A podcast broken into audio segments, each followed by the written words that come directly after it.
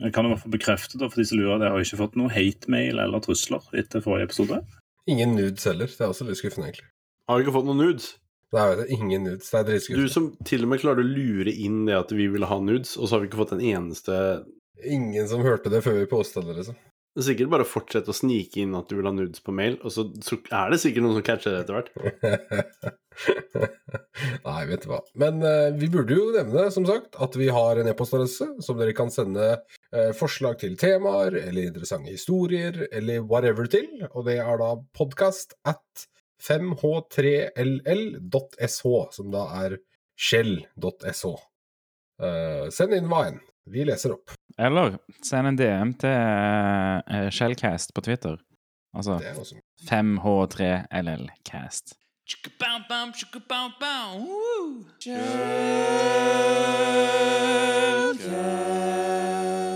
Jeg heter Vetle. Jeg jobber som pentester at bordplate på Twitter. Jeg heter Melvin, jobber som pentester at Flangvik på Twitter. Jeg heter Knut. Jeg jobber eh, i eh, privat sektor. Jeg heter Layer8 på Twitter. Jeg heter René, jeg jobber i offentlig sektor med sikkerhet, og jeg er Particle Void på Twitter. Jeg heter Øystein, jeg er nyutdanna innenfor digital etterforskning. På, fortsatt på jakt etter attraktive tilbud. Finner meg på 0x eh, Tom G på Twitter.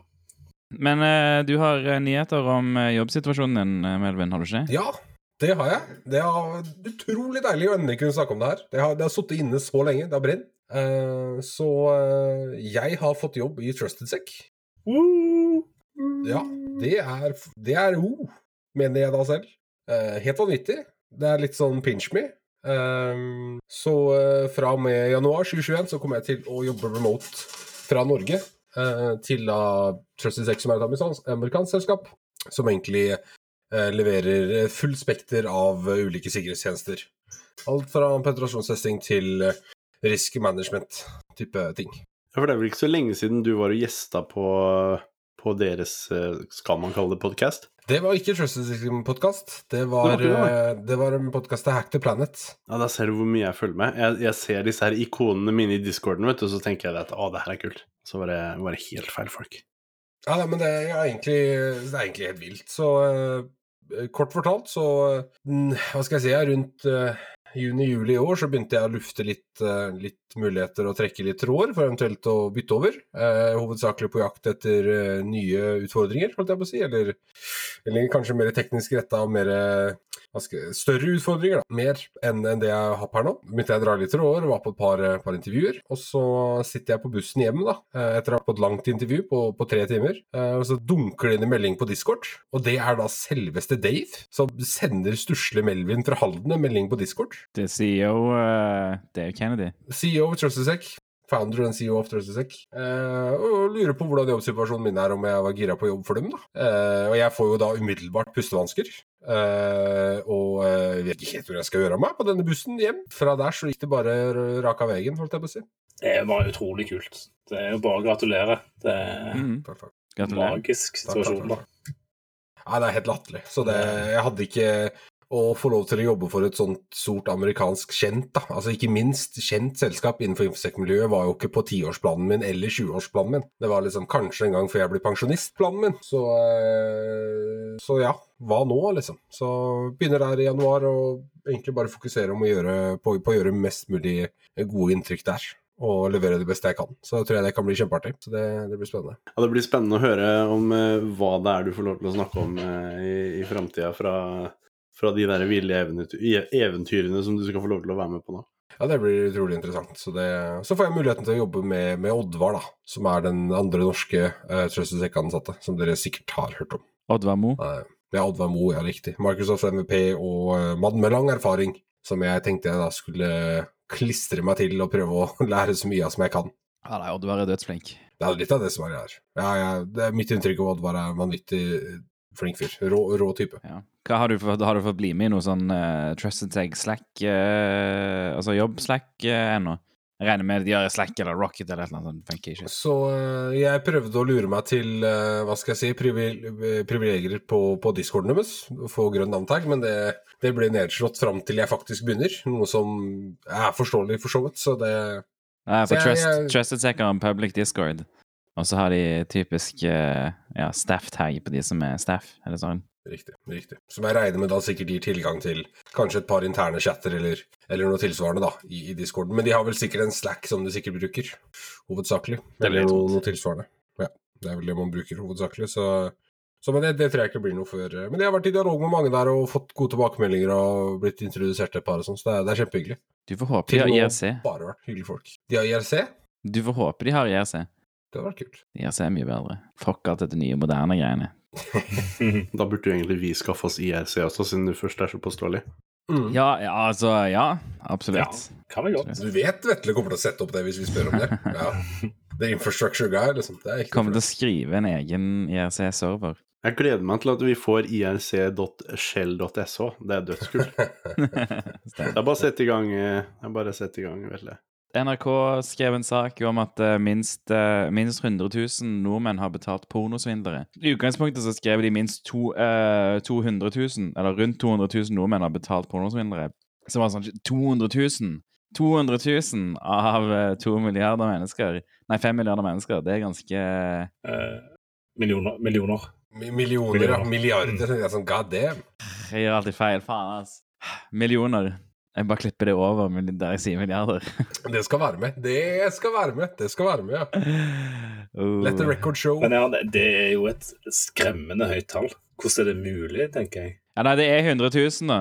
Det er mye, men, eh, men eh, ja, nei. Og de, er, og de betaler opptil 80 000 kroner. Noen av de.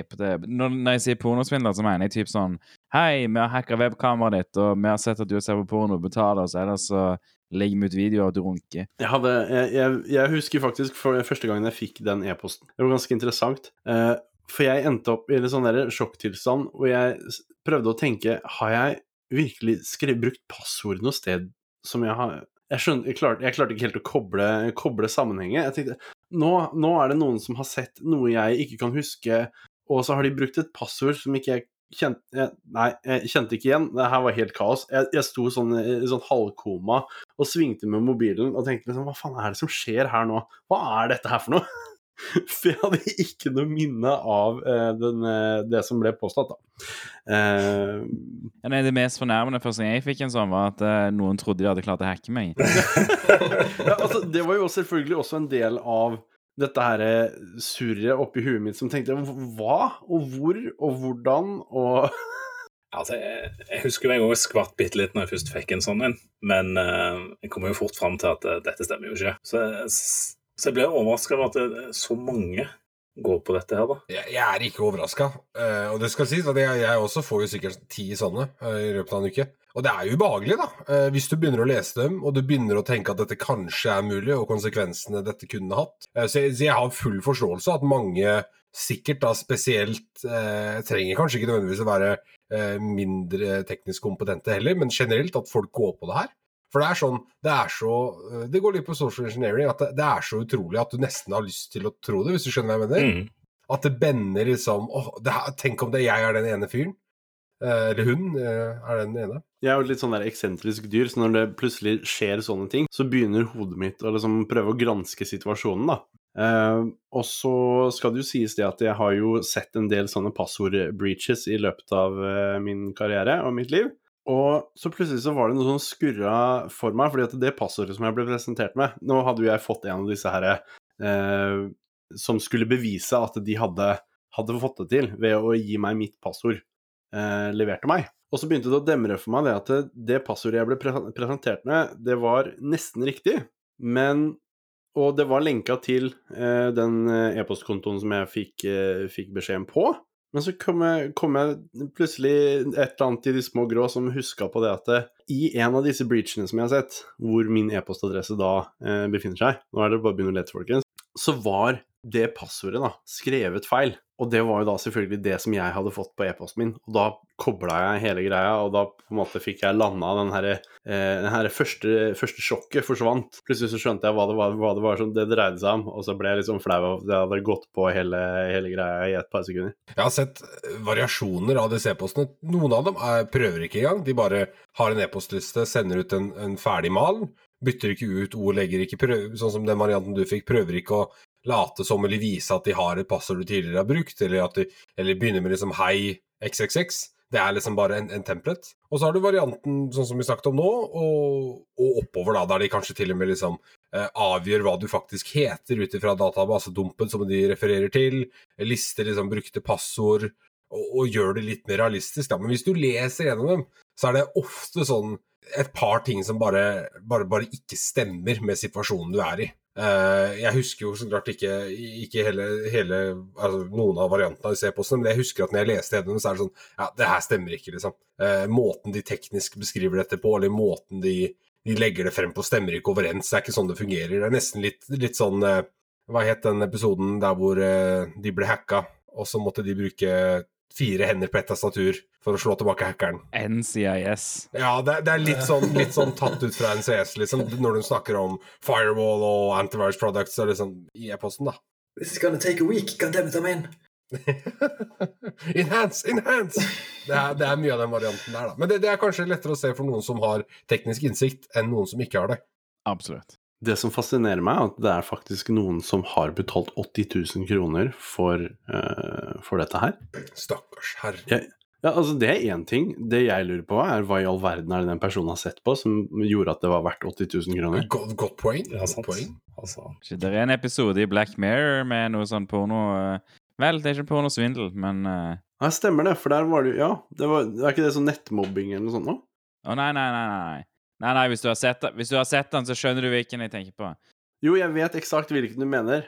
Han lille te han tenåringsgutten som blir Ja, helt ja. Stemmer det, som blir pressa til å gjøre alt mulig rart fordi at de sier at uh, de har filma han osv. Stemmer. stemmer. Sant? Det virker som det er en sånn situasjon. Tok litt tid før jeg huska, huska Kan episoden. ikke spoile så mye eh, Black Mirror. Lett, litt for lett å spoile. Men nå sporer vi litt av. Jeg, jeg syns vi skal gi noen gode tips til hva du kan gjøre for å unngå å bli svindla, holdt jeg på å si. Eller, Nei, fuck eller- det. Folk kan okay. jo det. Nei, folk som okay. hører på denne podkasten, kan det. De trenger ikke tips. Ok, beklager. Unnskyld. Jeg skal ikke gi tips. Nei, bare, bare betal. Ja, bare betal.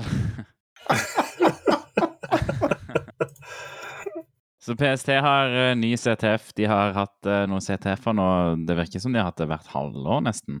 Så de hadde til jul, da var det NPST, og de har gjenbrukt uh, domenet fra forrige CT CTF. De hadde en NPST. Hva var det det var? Nord-CTF? Nord-Norge Nei, Nordpolen CT, eh, PST? Nordpolare Ja, et eller annet sikkerhetstjenesten. Ja, stemmer. Så de har gjenbrukt det, da. Så nå er det das.npst.no. Så jeg regner med at de har satt det som dass bevilje, fordi at det er morsomt. Jeg lenker til PST sin, eh, sin Twitter-konto, der de eh, lanserte CTF-en i shownotesa. Eller i kapittellenke, hvis podkast-spilleren din støtter det. Jeg har litt feedback, eh, fordi jeg Var det meg og deg, eh, René, som var hardt involvert i den CTF-en rundt eh, Var det juletider i fjor? Ja, det var meg og deg, meg og deg Melvin. Fuck, det var flaut. La meg ta det en gang til. Var det meg og deg, Knut, som var eh, hardt engasjert i den CTF-en? eh? Ja, for helvete! For faen! Øystein! Var det deg og meg som var engasjert i den PC-CTF-en rundt juletider i fjor? Ja, det var det. Det var gøy. Det var veldig gøy, men jeg har feedback, og det var at det irriterte meg grønn at de måtte slippe disse oppgavene tolv på natta. Ja, Ja, for noen av oss har jobber og liv, og, og behov for søvn.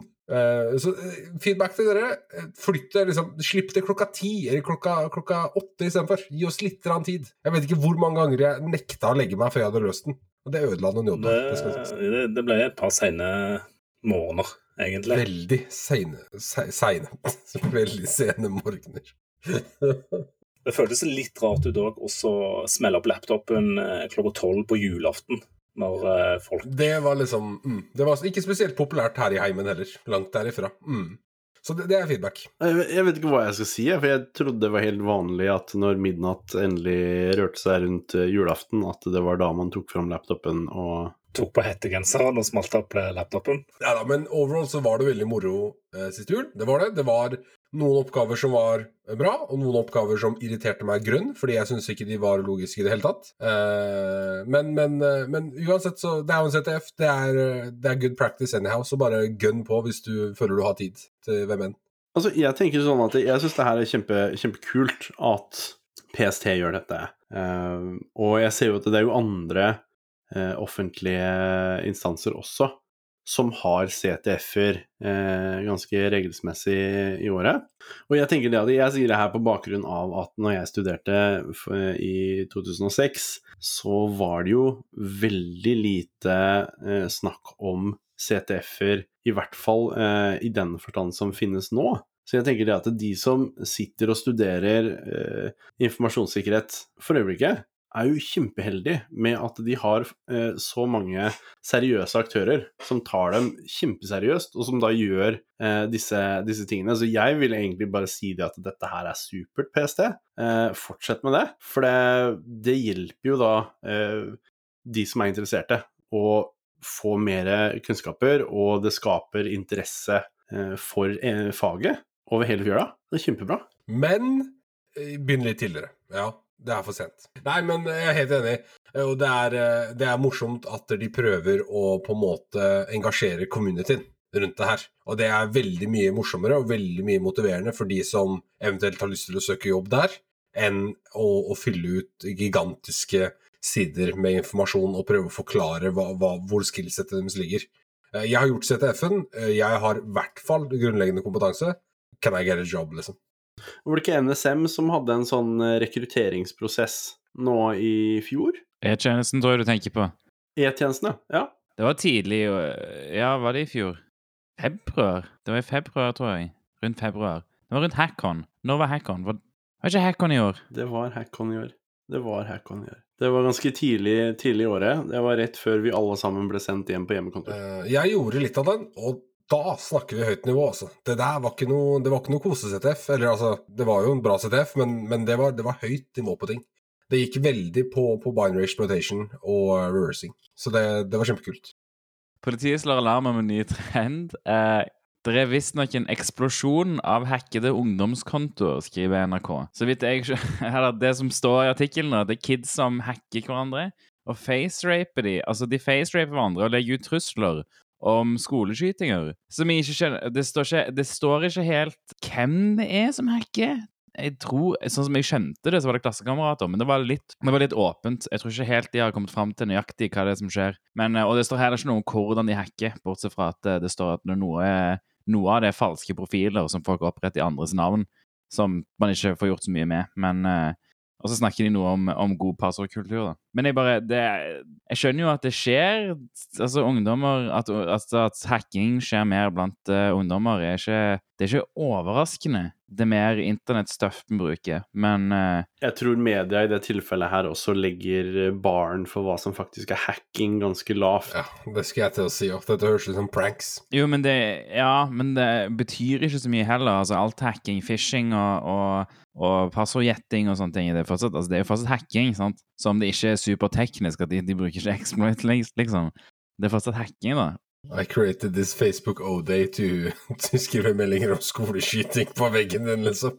Altså, og, og, i mange tilfeller så handler det jo også om folk som legger igjen telefonene sine og sånn, og så, og så er det noen som snapper opp uh, hva pingkoden deres er, og så logger de seg inn på, en, på, telefonen, og der har du jo fri tilgang til alt som er av sosiale medier uten noe form for login eller noe sånt noe. For der er du liksom allerede verifisert så fort du har eh, tasta inn pingkoden på telefonen.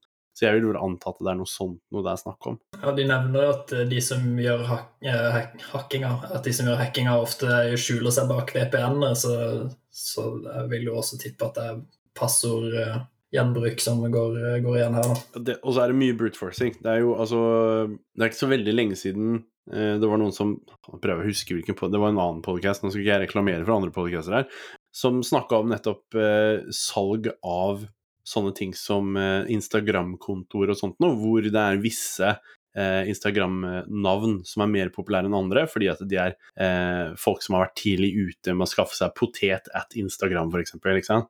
Sånne ting. Og, så har de vært dårlige på å bruke passord. Så du har jo grupper som bare sitter og kontinuerlig brute forcer Eh, alle kontoer de kommer over, og så prøver de å, å selge da de som har, er av interessant, eh, som er interessante navn, og som eventuelt da faktisk kan ha en verdi. Så det kan jo være litt sånne ting også, som det er snakk om. De, eh, de kontotypene der med spes navn, de, de, kaller de OG accounts. Jeg er ikke sikker på hvorfor de kaller de OG. OG står for Original Gangsters, vet jeg har skjønt. Ja, det, det har jeg stussa på, egentlig. Jeg, jeg, er kjent med OG. Ja. Det, det, kommer vel litt sånn klassisk fra at OG var liksom du er kul hvis du er OG, og så har det på en måte bare blitt en greie, da. I guess. Ingenting kult med at ha et sp- eh, spes-Twitter-navn. Det er nerd. Sorry, Mac. Kan vi uttale oss på det, må jeg bare spytte inn med en gang, da. Vi, vet du hva, vi kan faktisk ikke melde nerd. Sorry. Ja, nei, jo, vi kan melde nerd. Vi er nerds, så vi Å ja, oh ja, det er sånn det fungerer. Ok. Ja, oh ja, ok. Du er ikke street nok til å kunne henge med på den engang. Det er litt kri- krise. med Det, det. det, er- jeg er nerd, ass. Fy faen. Du er nerd nok til å få lov til å bli med i podkasten. Men uh, trusler om skoleskyting Ja, du Jeg vet ikke hva det er med kids og skoleskyting, men skoleskyting og, og mellom, altså falsk eh, varsel om skoleskyting har vært eh, mye oppe i media de siste par årene. Og det, det er kjempebra. Det var en, det var jo for ett, ett, to år siden at noen meldte om skole, eller tr trua med skoleskyting ved å endre en Wikipedia-artikkel om skolen. Men sånn, what the fuck? det, Det var kreativt, da. Kreativ truing om skoleskyting. Tipp topp.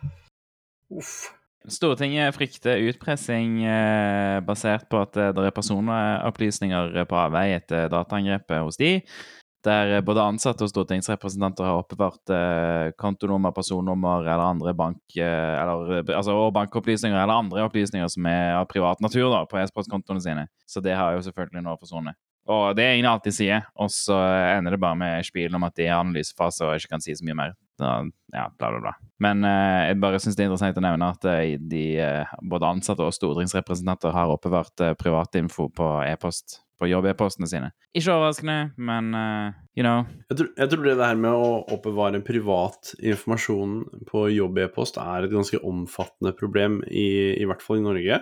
Mm. Jeg vet ikke, jeg skulle vel tippe å si over hele fjøla i hele verden, eh, men jeg, jeg har i hvert fall alltid opplevd i plasser som jeg har jobba, at folk har ganske lav terskel for å signe seg opp med, med jobb-e-post. Sånn at de, de oppfatter det som at det er deres private e-post, så de kan bruke den til hva som helst. Og som eh, tidligere som administrator, så har jeg sett veldig mye rar eh, e-post i, i innboksene til folk når jeg har gått rundt og skulle hjelpe de på jobb osv. Så, det at eh, Stortinget nå står uten ut eh, Jeg holdt på å si, det kan du klippe.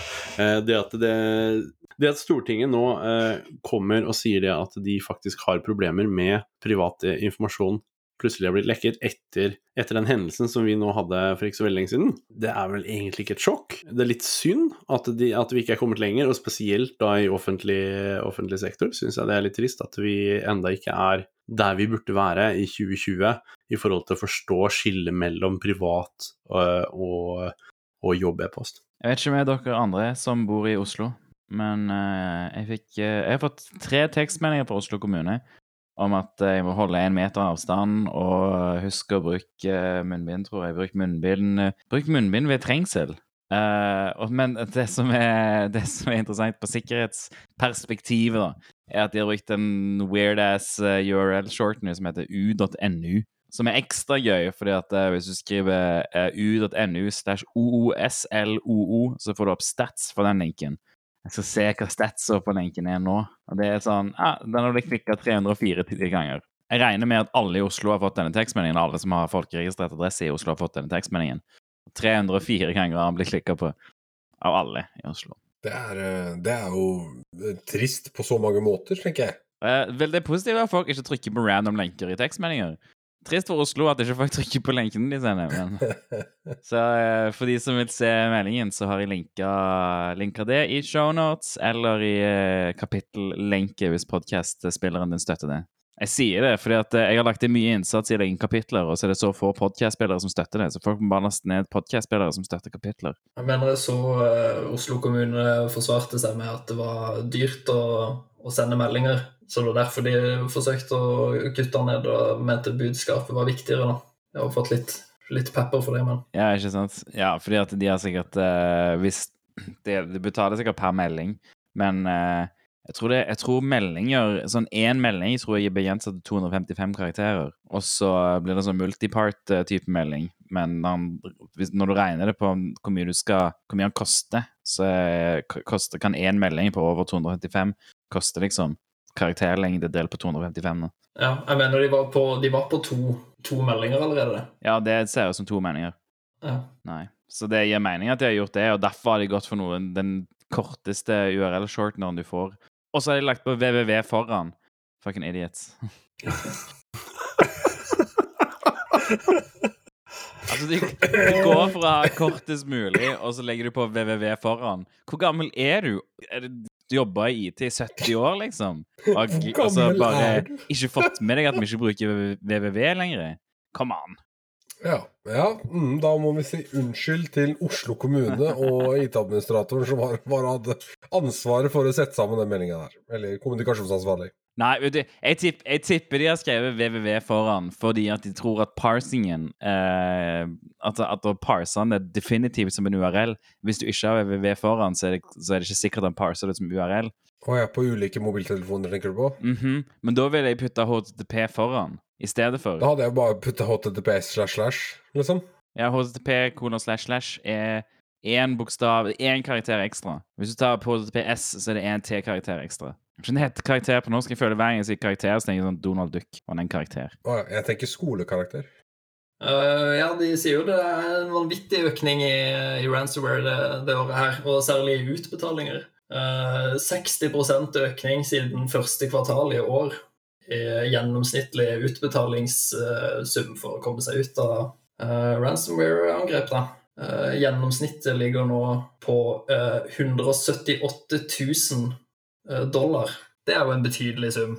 Tror kanskje vi bytter bytte side og begynne å drive med ransomware. Det er, altså, det er så ikke bra på så mange måter. For det at det er en økning, er jo én ting. Eh, hvis det har vært ø ø økning i, i antall tilfeller av eh, deployment av ransomware.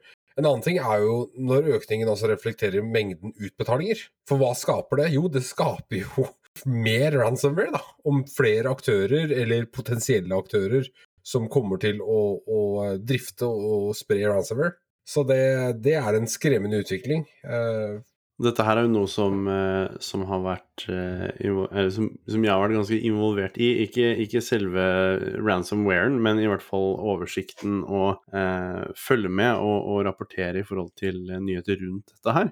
Og jeg kan si at fra de første, første ukene, rett før vi da eh, gikk inn i, inn i hjemmekontorslivet, så var det, veldig var det ikke like mye snakk om ransomware, og det tok ikke lang tid fra eh, store deler av verden begynte å, å havne på, eh, i karantener og hjemmekontor, og vi begynte å isolere oss litt mer fra hverandre, til disse ransomware-angrepene startet i ganske stor skala. Så det at utbetalingene i år har vært ganske massive, det tror jeg har kommet av at angrepene også har vært ekstremt hyppige. Det har vært veldig mange, og det har vært på veldig kritiske eh, områder i samfunnet. Det har vært veldig mye angrep mot sykehus, mot forskningsinstallasjoner og sånt nå, eh, som jeg tror kan være en del av grunnen til at disse utbetalingene også har blitt, eh, blitt såpass store til nå.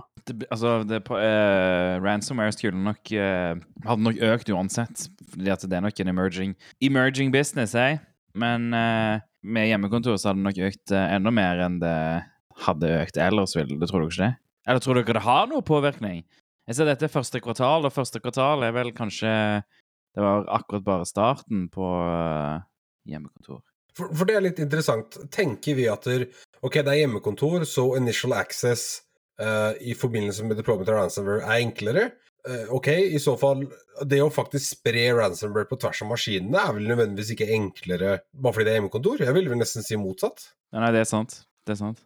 Det er godt poeng. Det det er vel i så fall bare initial access, kanskje, som er Det som, det som var den store forskjellen, i hvert fall som jeg kunne plukke med meg i, i nyhetene i løpet av eh, første kvartal, som da vil være januar til og med april, er jo nettopp det at de plutselig fikk et virkemiddel for å få eh, ransomwaren inn på maskinene. Og det var at veldig mye av den ransomwaren ble, eh, som ble utdelt eh, til eh, forskjellige ofre eh, på tidspunktet, var covid-relatert. Og det var veldig mye covid-informasjon. Det var ting som eh, var De utga seg for å komme fra CDC, som det amerikanske Hva er det? Center for Dis... uh, Disease control.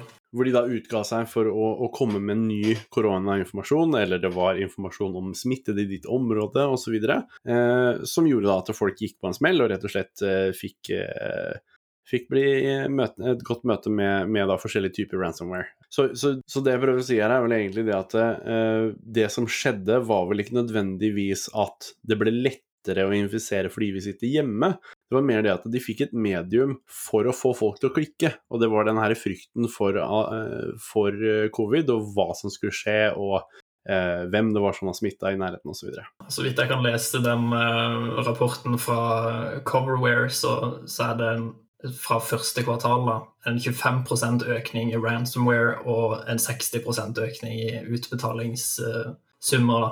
Og jeg er ikke overraska.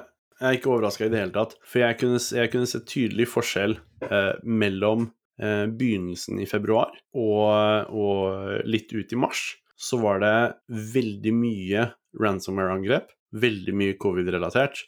Og dette her var også en sånn der ulmende tidlig fase hvor det var veldig mange som ble smitta, det var veldig mange som var redde. Eh, og ja, nei, jeg, jeg, tror den, jeg, tror, jeg, tror den, økningen der skjedde nok ganske tidlig, eller sånn midten av eh, Q1. Det viser jo litt uh, Det viser jo litt hvorfor sikkerhet er viktig, hvorfor det er viktig å faktisk investere i sikkerhet. Så det er jo det jeg ser, jeg ser som konsulent, at det positive med dette er at det, nå, jeg håper det viser folk hvorfor det er viktig å betale for sikkerhet, og faktisk å gjøre det ordentlig. Jeg ikke tenker liksom det skjer ikke med meg. Si at du dropper forsikringer som privatperson fordi at du tenker at ikke det skjer med deg. Da blir du jo kalt en uansvarlig idiot ganske fort. Det som er litt interessant, er at uh, samtidig med Eh, at disse ransomware-angrepene økte i, i, omfang. Så økte også salg av, av uh, cyber insurance. Det var en artikkel som jeg leste i mars, tror jeg det var. Jeg vil ikke at folk skal investere i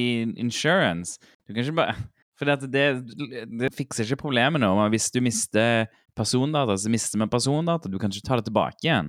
Uansett hvor mye forsikring du har. sant? Så jeg vil heller at folk skal være ansvarlige, og ikke Altså, ja, du kan for så vidt forsikre, men det viktigste er at du sikrer ting, for det handler faktisk om folks folks persondata, folks liv. Så det er viktigere enn å bare forsikre det. Sant? Hvis jeg glemmer å forsikre huset mitt og mister alle tingene mine, så mister jeg ting.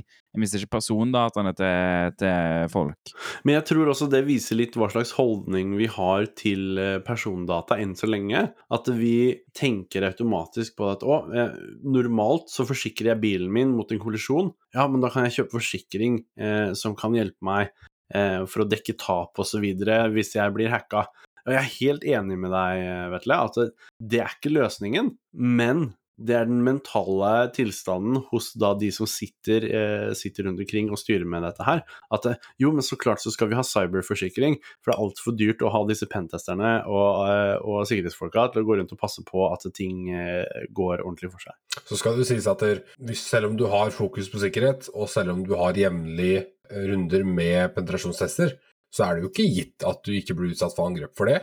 Ikke sant? Uh, så det er jo en mer sånn ja takk, begge deler-type opplegg enn det er nei, vi har kjørt pentest, vi driter i forsikring, eller nei, vi driter i pentest og betaler heller forsikring.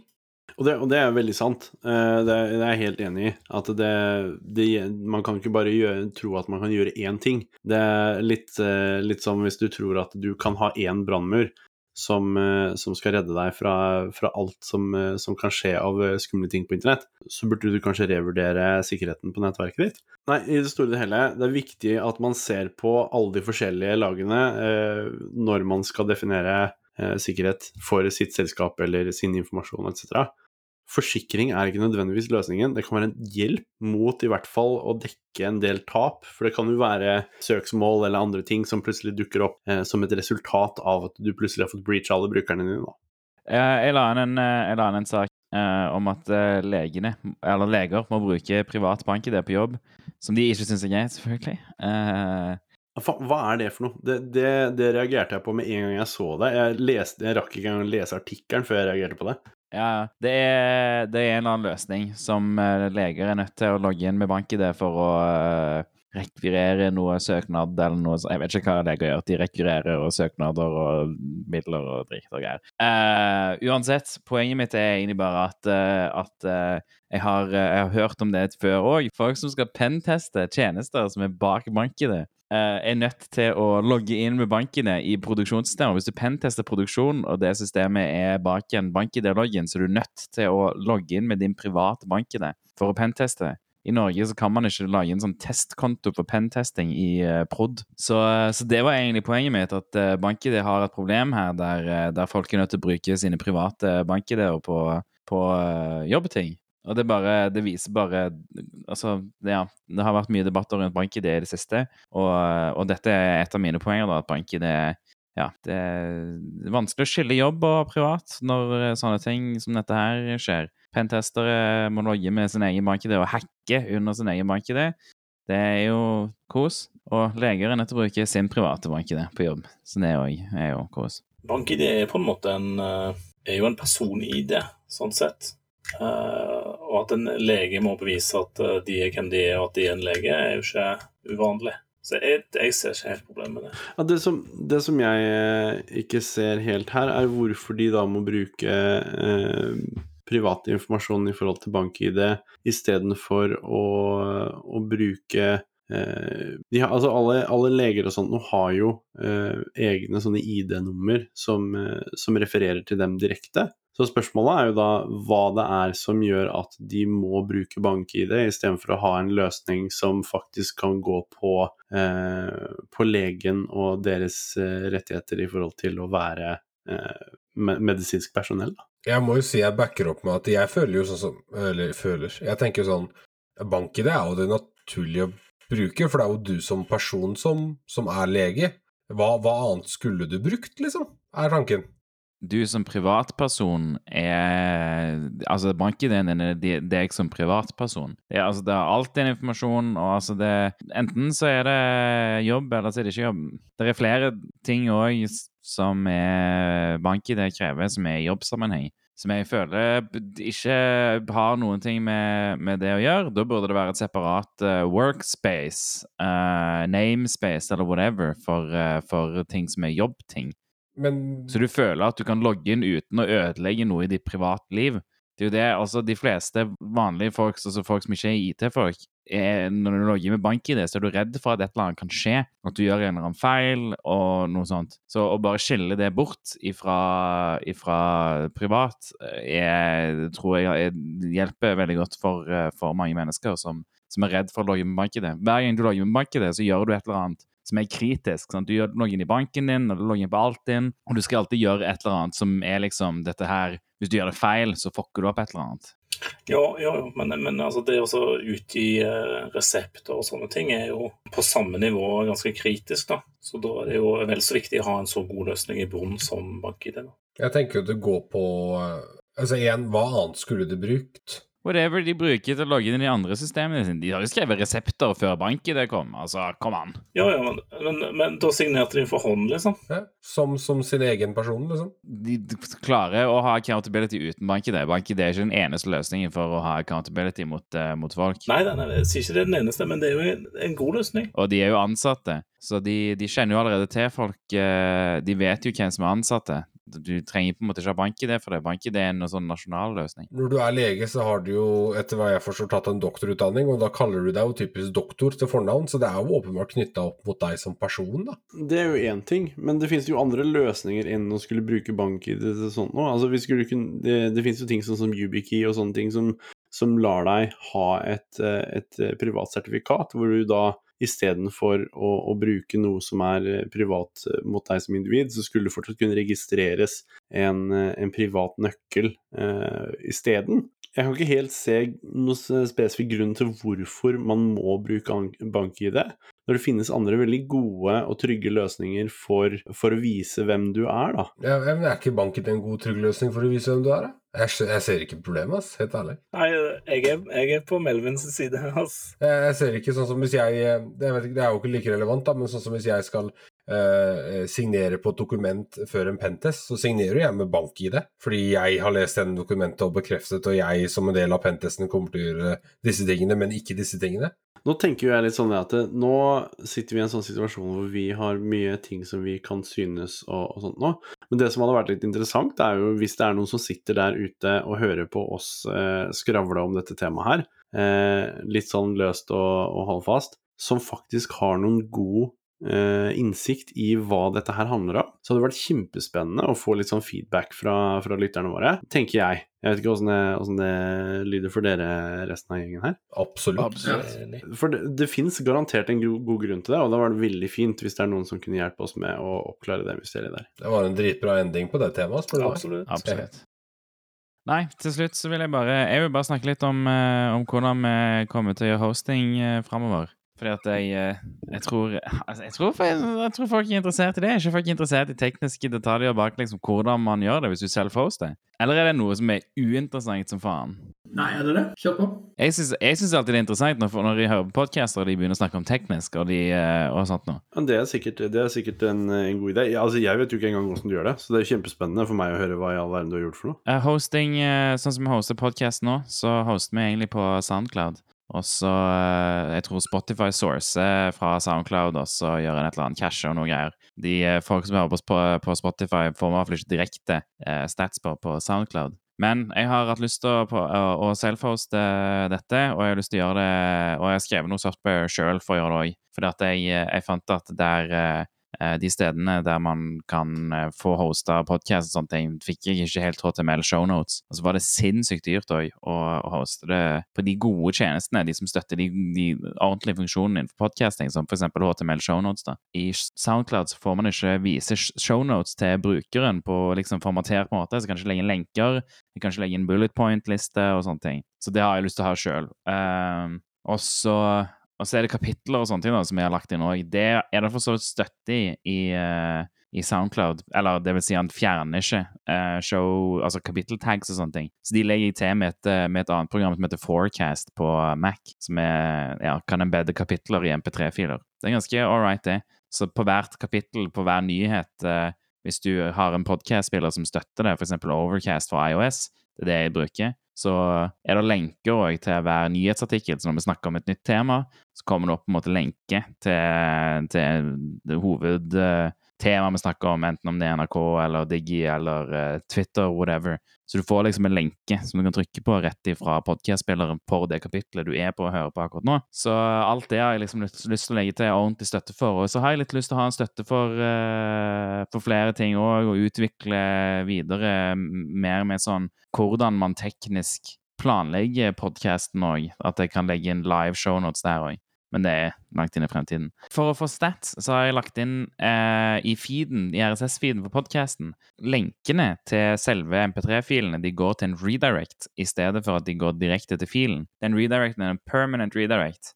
Som vil si at podcast-spillerne, som første gang de laster ned, så vil de cache at uh, URL-en er en permanent redirect. Så neste gang de går til den, så vil, de- vil de gå til, en, uh, til, til den ordentlige de, filen da, og begynne å laste ned. Og det, med, med det så får jeg stats. Så får unike stats da på hver podcast-spiller, i stedet for at eh, i stedet for at jeg ser hver download som en klient, da. Eller at jeg ser uh, to downloads fra samme IP og ser det som én download fordi at jeg regner bare i, i unike klienter, eller eh, ja, unike klienter på IP-adresse. Så, så det hjelper ganske godt på det. Eh, da logger jeg jo ikke jeg logger jo ikke IP-adresse eller noe sånt, jeg skal hashe IP-adresse og user agent for å, for å skape det som en unik klient, og så, så, så beholder det på en måte personvern. da.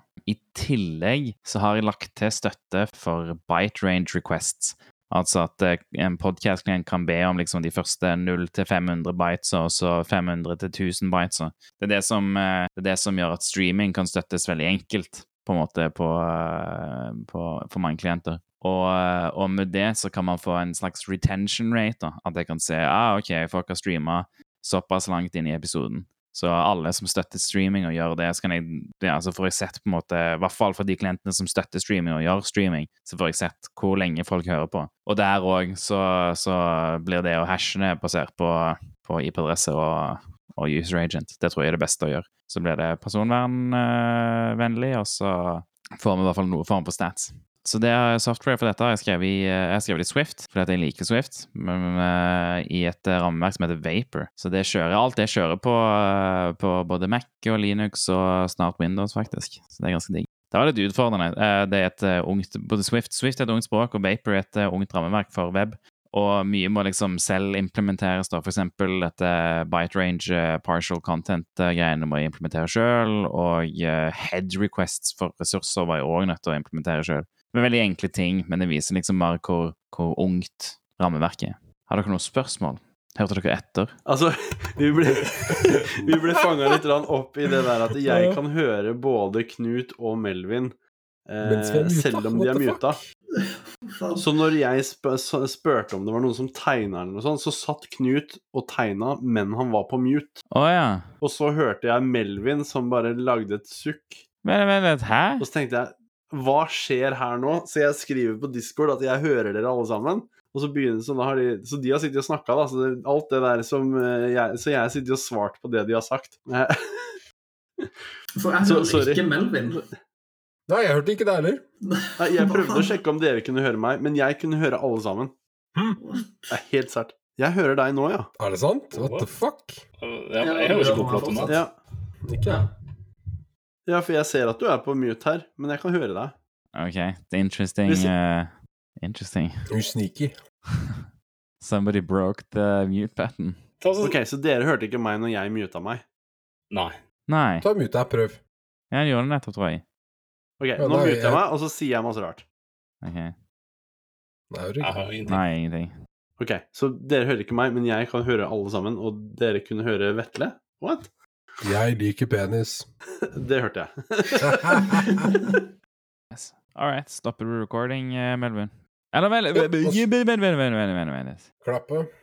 Eh, send en melding til oss på podcast Nei, send en mail til oss på podcast.shell.so. Det er 5h3ll.so.